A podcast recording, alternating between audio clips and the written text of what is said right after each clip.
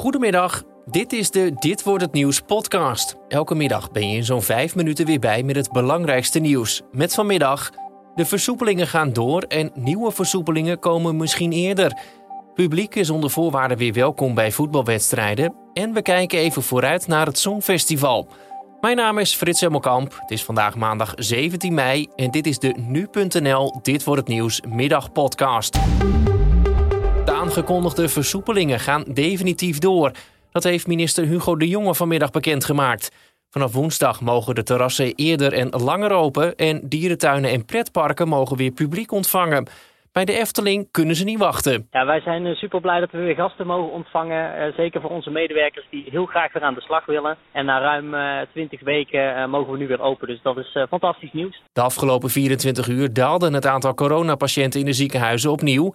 Er zijn 138 mensen opgenomen en dat is het laagste aantal sinds november vorig jaar.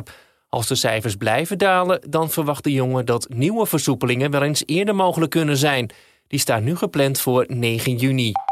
ABN AMRO gaat klanten die meer dan 10.000 euro van hun rekening willen opnemen, daarvoor laten betalen. Per transactie moet 5 euro worden betaald, plus een half procent van het totale bedrag. Waarom de bank deze kosten in rekening brengt, is niet duidelijk. De Consumentenbond vindt het in elk geval een slecht plan. De bond vindt dat contant geld altijd vrij opgenomen moet kunnen worden en hoopt dat de bank het plan intrekt.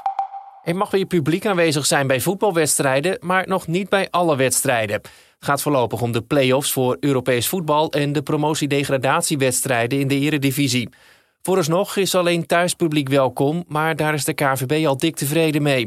De bond hield er stiekem zelfs al een beetje rekening mee. De clubs waar het om, om, om gaat, daarop hebben voorgesorteerd. Want de organisatie om publiek te ontvangen is natuurlijk niet binnen twee dagen uh, op orde.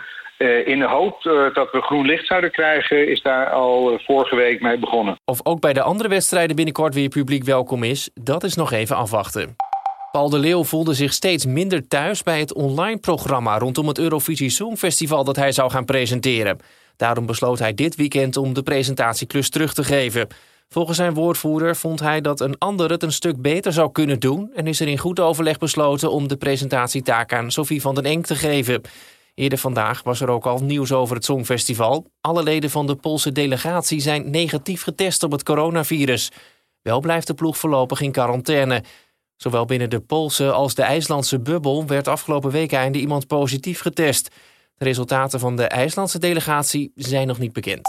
Het plan van het dolfinarium om acht dolfijnen te verkopen aan een attractiepark in China valt slecht bij dierenwelzijnsorganisaties. Die zeggen dat China rampzalig omgaat met dolfijnen. Ze hopen nu dat minister Schouten van Natuur en Welzijn de, de, de, verkoop tegenhoudt. Het dolfinarium wil van de dolfijnen af om meer ruimte te geven aan de overige dolfijnen. En dan het weer van Weerplaza. Het wordt op steeds meer plaatsen droog met af en toe de zon. Maar vannacht kan het vanuit het zuiden weer flink gaan regenen. Het koelt af naar zo'n 6 tot 8 graden. Ook morgen kans op een bui en dan wordt het zo'n 15 graden. En om af te sluiten nog even dit. Koningin Maxima is vandaag jarig. Daar is uitgebreid aandacht voor op radio en tv. Vanavond wordt er zelfs een uitgebreid interview met haar uitgezonden. Reden voor de Telegraaf om eens de straat op te gaan om te vragen... hoe oud wordt ze nou eigenlijk? Ik denk 48. Oh, 64. Uh, 48.